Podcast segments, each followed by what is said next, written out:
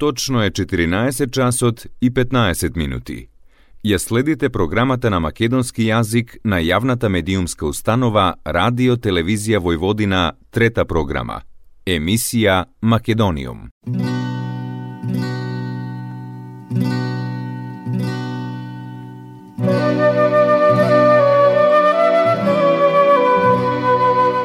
Добар ден и добре дојдовте во најновото издание на емисијата Македониум. Почитувани слушатели, Македониум го слушате во среда со почеток во 14 часот и 15 минути на фреквенцијата на третата програма на радиото при Радио Телевизија Војводина. Вчера во галеријата Диварт во Белград беше отворена изложбата Тајниот код на сонцето во акварелот на Ивана Настески. Изложбата на македонската уметница Ивана Настески ќе биде отворена до 16 септември, а на истата се представени 18 дела изработени во техниката акварел, инспирирани од Чар планина и Охрид. Ликовната критичарка од Белград Весна Тодоровиќ во текстот посветен на изложбата Тајниот код на сонцето во акварелот на Ивана Настески, порачува дека публиката овој пат ќе има прилика да ги види убавините на Охриди Шара пренесени со боја низ очите и душата на едно срце полно љубов.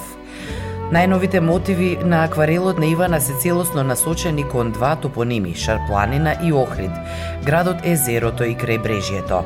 Наблюдувани на картата, овие географски одбележја ја цртаат западната вертикална линија на правец север-југ на родното место на Ивана Тетово. Но нивното позиционирање во животот и постоењето на Ивана е многу поважно од картографското, всушност е од суштинско значење, бидејќи потекнуваат од рамката на човечкиот аспект.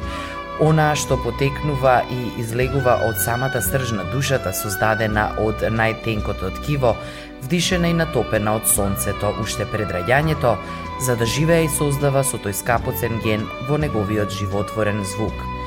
Од тука секој акварел на Ивана го носи тој сончев знак, отелотворен, излеан во топлата светлина на боите, дури и кога боите доаѓаат од ладниот спектар.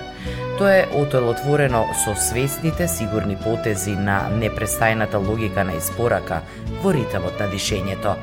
Дишење кое го забрзува својот ритам пред убавината и величественоста на пейзажот, додавајќи драматичен акцент на сцената, целосно во согласност со незиниот карактер и вековниот ефект врз човековата душа, кој народниот поет, музичар го овековечи за сите времиња, пишува Весна Тодоровиќ.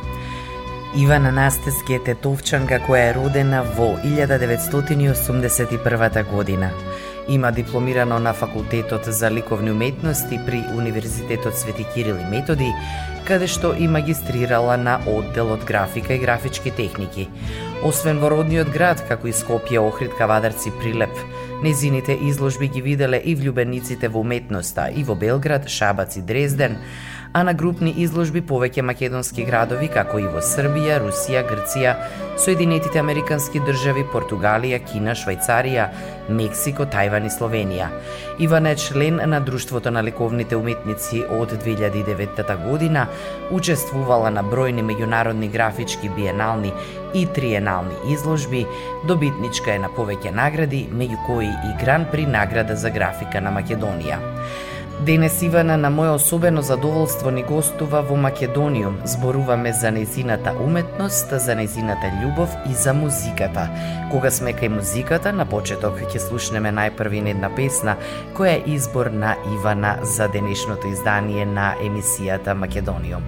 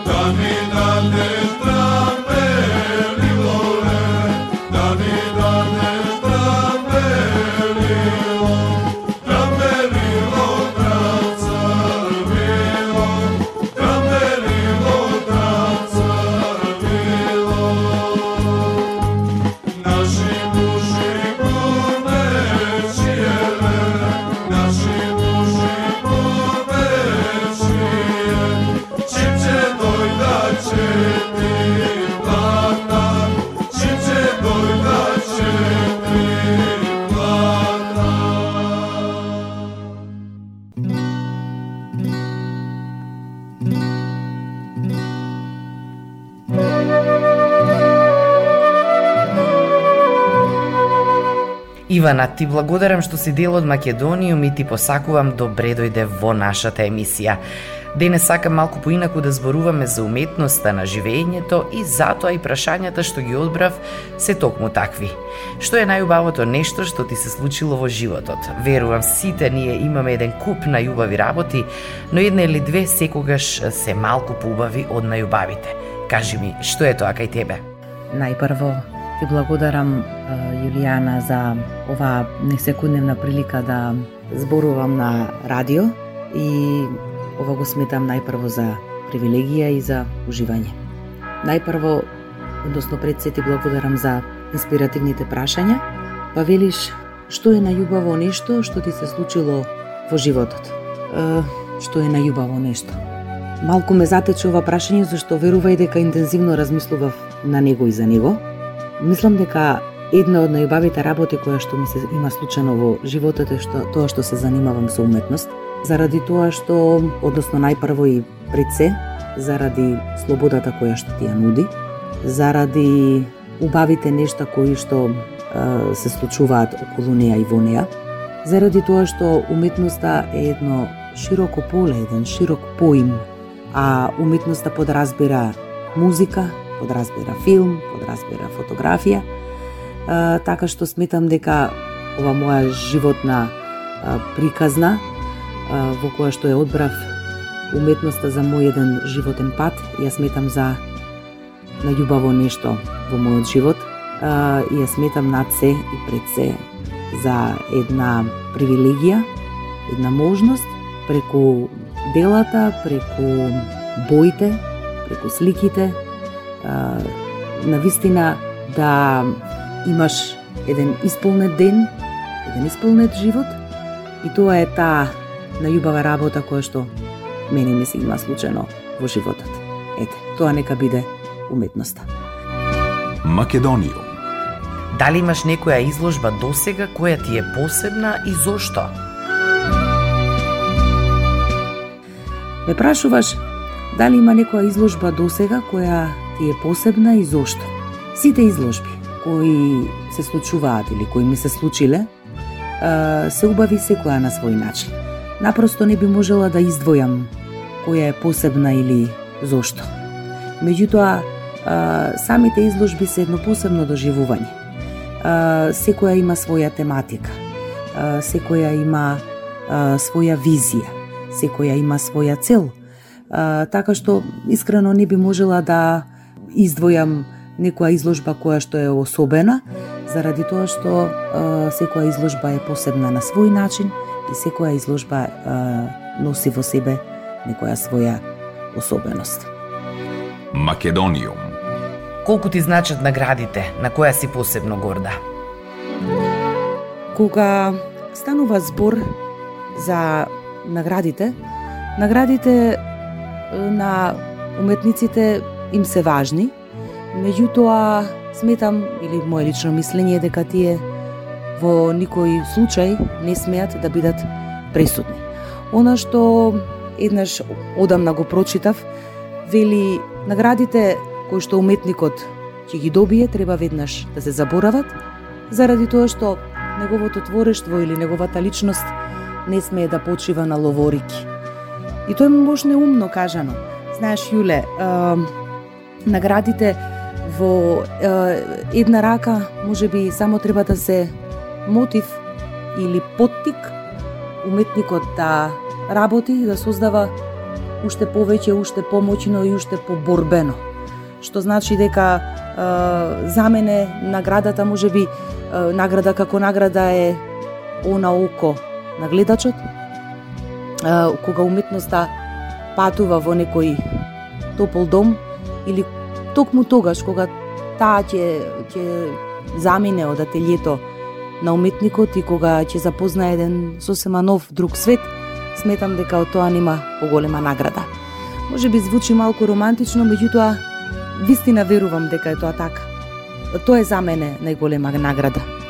Окото на гледачот, окото на наблюдувачот, окото на публиката, сметам дека на вистина нема поубава награда и награда која е помоќна од сето тоа. Македониум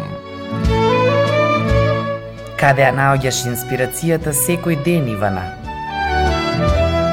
Знаеш, Јуле, јас не сум од тие уметници кои, а, например, бараат инспирација некаде надвор.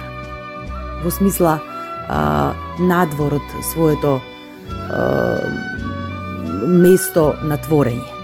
Велам на творење, но не и на живење. Зошто? А, работејќи и творејќи низ, а, низ, низ животот од самите мои почетоци, а, сватив дека уметноста или уметност може да бидат сите оние работи кои не обкружуваат, меѓутоа кои на тие работи кои се околу нас ние не им даваме толку многу на значење. Тоа може да биде една обична вазна. Тоа може да биде еден обичен цвет. Тоа може да биде и не знам, обично овошје, обично, но необично. Заради тоа што се си има своја форма, своја боја, свој тон или свое доживување уметникот онаму каде создава, тоа е неговото ателје или неговиот простор, всушност е неговиот дом. Тоа е неговата средина. Затоа, трагајќи и работејќи, а уметникот секојдневно, дури тогаш кога не работи, тој работи, односно размислува, се трудам или се обидувам да ги наоѓам тие мали, значајни или помалку значајни, важни, односно неважни, сите работи кои не обкружуваат. Затоа тоа се најчесто е, мртви, односно најживи природи на светот. Затоа се тоа најчесто предмети кои ме обкружуваат, предмети кои може би се незабележливи, а за мене се многу важни и многу живи. Да речеме, дали е тоа една кристална вазна со цвеќе, дали е тоа еден шарпланински пейзаж или мотив, дали е тоа прекрасното Охридско езеро, дали е тоа може би еден обичен чамец, кој за мене е всушност многу необичен, многу интересен. Така што инспирацијата уметникот пред се и над се треба да ја најде во себе си, а потоа и во неговата најблиска околина. Инспирацијата е секојдневна. Дали е тоа ден, дали е тоа ноќ или утро. Така што лично сметам дека уметникот дури тогаш кога физички не твори во своето ателје, тој со самојот факт или момент што размислува, тој всушност веќе создава слика. А создава слика во својот ум, а потоа истата може да ја пренесе на платно или на еден обичен лист хартија. Така што инспирацијата е, е на вистина во моето ателје или во предметите кои ме окружуваат, во тој еден малечок, интимен, камерен простор кој за мене е мојот дом.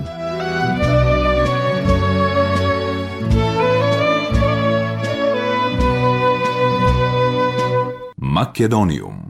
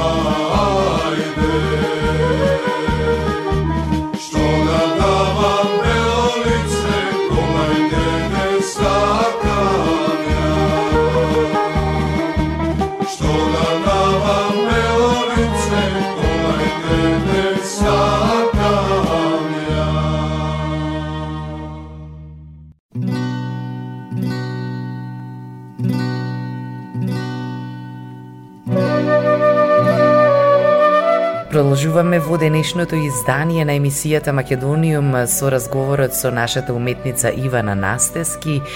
Музиката која што денеска ја слушаме е нејзин избор, а подоцна ќе дознаете и зошто токму тие песни. Покрај твојата уметност и сликањето, во што најмногу уживаш? Дали може би е твојата работа како наставник? Ме прашуваш а, дали покрај а, уметноста и сликањето или во што најмногу уживам? Дали е можеби твојата работа како наставник?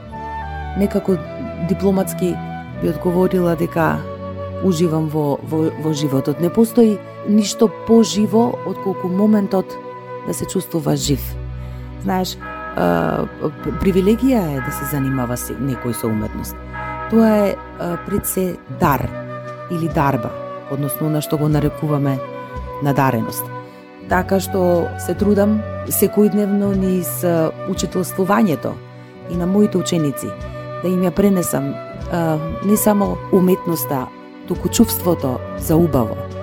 А, дури на моите часови многу често, односно во најголем дел од моите часови, освен што сликаме или а, учиме за познатите или за светските уметности или мајстори на уметноста, или за основните ликовни поими, јас во најголем дел од случаите се трудам што помалку да зборувам, а што повеќе учениците да творат. Меѓутоа, не сето тоа им пуштам музика. Да, им пуштам музика, тоа е најчесто релаксирачка музика, особено джез. Некој фин, фин джез или дали се тоа, не знам, италијанска музика или француска музика или некој добар рок. Нешто што може да ги измести од нивната комфорна зона на э, слушање на, на, на, на, на шунт, односно на лоша музика и така натам Значи, уметност низ музика. А, нешто што учениците не само што ќе имаат ете некаков забавен час, туку нешто во нивните мозочни вилги да остане како некакво сеќавање. Може би, секако тие се многу мали, но може би некаде во некоја во, во, во нивната во, во нивните мали мозочиња некаде ќе се сетат дека ете некоја учителка по ликовно образование некогаш им пуштала една супер музика на часовите по ликовна уметност, а при тоа тие имале дружба со боите, создавале своји детски ликовни творби, меѓутоа при тоа и нешто осознале за уметноста дека освен, знаете, ова едно чудно секојдневие, едно време не време, дека сепак има има една мала трошка надеж што суштост се се нарекува уметност, а тоа е всушност најголемата уметност, а тоа е животот. Односно, уметноста на живењето. Музика и уметност, сметам дека тоа не, не, не постои ништо поубаво од тој фасцинантен спој на уметност и на музика. Дали сакаш да слушаш македонска народна музика? О, секако дека ја обожувам македонската народна народна песна, особено оние староградски мелодии кои некако како да дишат не само со една прекрасна носталгија, една една фантастична ритмичност, туку над се во тие песни има човечност, нешто што во оваа денешница како да е изгубено или ајде малку за утеха како да е подзаборавено. Баш пред некој ден се сетив дека со задоволство ги слушам охридските народни песни, градски, староградски, а исто така заради тоа што сум родена во Тетово, многу сакам да ги слушам и старите тетовски песни, староградски. Тоа е еден прекрасен, прекрасен текст, прекрасна една мелодија, едни фантастични гласови. Тоа има толку една една една чувственост во тие песни. Едно особено кога пеат за љубовта. Јас мислам дека тие тогаш на, на, на, на вистина како да пеат, како да ја пеат вистината. Дури некогаш ми се случува и на часовите по уметност, кога имаме тема, на пример, Старо Мало, или Староградски сокак, или сечавање на Охрид, да им пуштам охридска песна, а кога учиме за македонските народни традиционални носи, да им ги пуштам староградските тетовски песни, кои се на вистина оригинални, на вистина се прекрасни, а, не сакам да останат заборавени и со задоволство им ги пуштам за тие да всушност станат свесни за своето, односно нашето културно наследство. Па на прашањето кога би морала да издвојам три песни, кои народни песни, и се најмногу при срцето, мислам дека три се малку. меѓутоа, баш поради тоа што сум од тетово, значи Тетовчанка, би се одлучила за три староградски песни, кои со задоволство ги слушам јас. Дури се тема на многу ликовни уметници. Па, например, тоа нека биде песната за Трпана, Срце ме боли. Потоа тоа нека биде Огреала месечина од Солуна до Тетово. И нека биде песната Благуњо дејче пожаранче. Тоа се моите три песни. Кога би направила некаков пресек, би се одлучила за овие три песни поради таа елегичност која што постои во нив, поради таа една прекрасна мелодија која нели која постои во тие во тие народни песни и поради тоа што се дел од нашето културно наследство.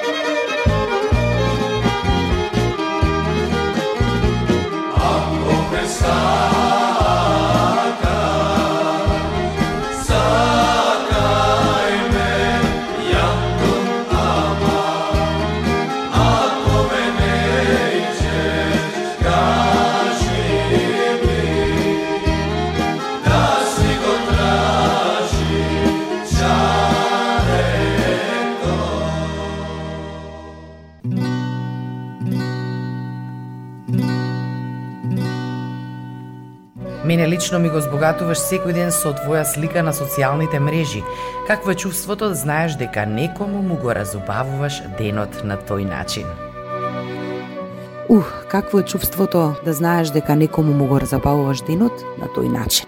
А, знаеш, Јуле, живееме во едно чудно време и на вистина е редкост да се чуе убав збор, па дури и да се заблагодариш некому па дури да кажеш добар ден.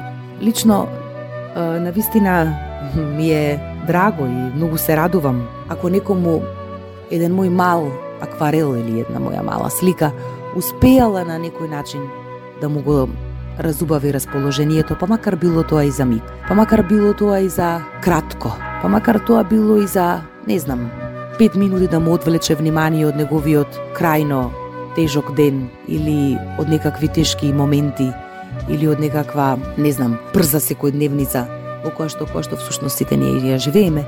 Меѓутоа, ако моите слики а, или акварели или графики успеале некому да му го разубава денот, тогаш јас сум најсреќниот уметник на овој свет, а чувството, па ако и тие слики успеале да допрат до нечие срце, или успеале да го оттргнат вниманието на гледачите и наблюдувачите на моите слики, тогаш јас сум е, не само благодарна, туку и сум е, пресреќена што ете јас сум дел од нечие секојдневие. Е, самиот тој миг на размислување, на идеја, на мотив што јас денес ќе работам, кого ќе допрам, кого можам да го израдувам, чие око може да се запраша, еј, чија е оваа слика?